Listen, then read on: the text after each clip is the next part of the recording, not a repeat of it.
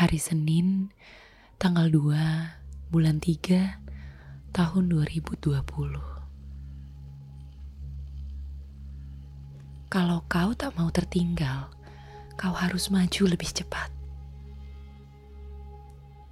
Kalau mau jadi yang terdepan, kau jangan sampai terlambat. Dan kalau tak mau tersusul, jangan diam di tempat.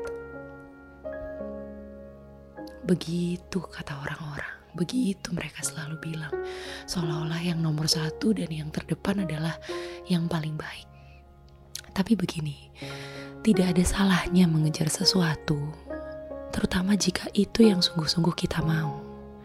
Tapi ingat, mereka yang cepat bisa lari lebih dulu karena sudah tahu arah yang hendak dituju sudah tahu ujungnya, sudah tahu garis akhirnya.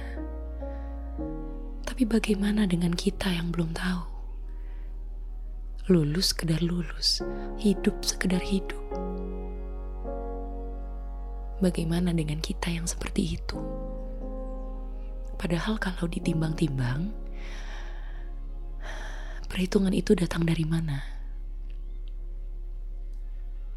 Maka kalau aku boleh bersaran, ada baiknya sebelum menghakimi diri sendiri atas dorongan orang lain yang tak akan sanggup kita kejar, atau membandingkan hidup kita dengan mereka yang kelihatannya sudah lebih pasti.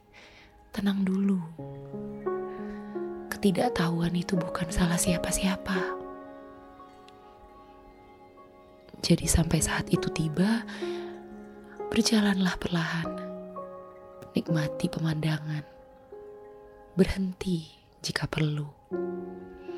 Jangan lari hanya karena terpaksa untuk kemudian tersesat dan kehilangan arah.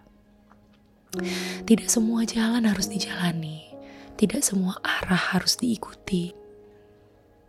Hidup masih bisa menunggu. Ingat itu, hidup masih bisa menunggu. Apa sih yang harus diburu-buru?